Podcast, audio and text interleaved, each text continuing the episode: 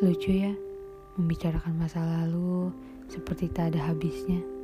Membiarkan pikiran kita ini untuk terus berkelana ke berbagai pangkal yang sudah lama dibiarkan tenggelam.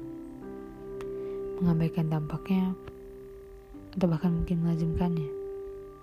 Jangan, tidak perlu membiarkan pikiranmu itu untuk terus-menerus menelusuri segalanya yang sudah terjadi.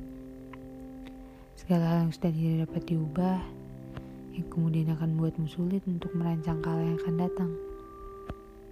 Tetap semangat, itu ucapnya yang selalu kuingat. Dua untayan kata yang terkesan sederhana ini ternyata memiliki banyak makna dan harap. Kalau dipikir-pikir, sepertinya memang itu yang seharusnya aku jadikan acuan utama. Mungkin kita tidak perlu membuat hidup ini terus terjadi oleh ekspektasi, yang bahkan bukan berasal dari diri kita sendiri. Atau memang itu jawaban dari segala pertanyaan yang selama ini kupikirkan? Menjauhi diri dari ekspektasi? Tak ada yang tahu. Tapi satu hal yang harus kita ketahui adalah bahwa kita ini hanya manusia naif. Jadi, mengurangi ekspektasi itu adalah hal yang lumrah. Tidak akan mengurangi sedikit pun dirimu sebagai manusia.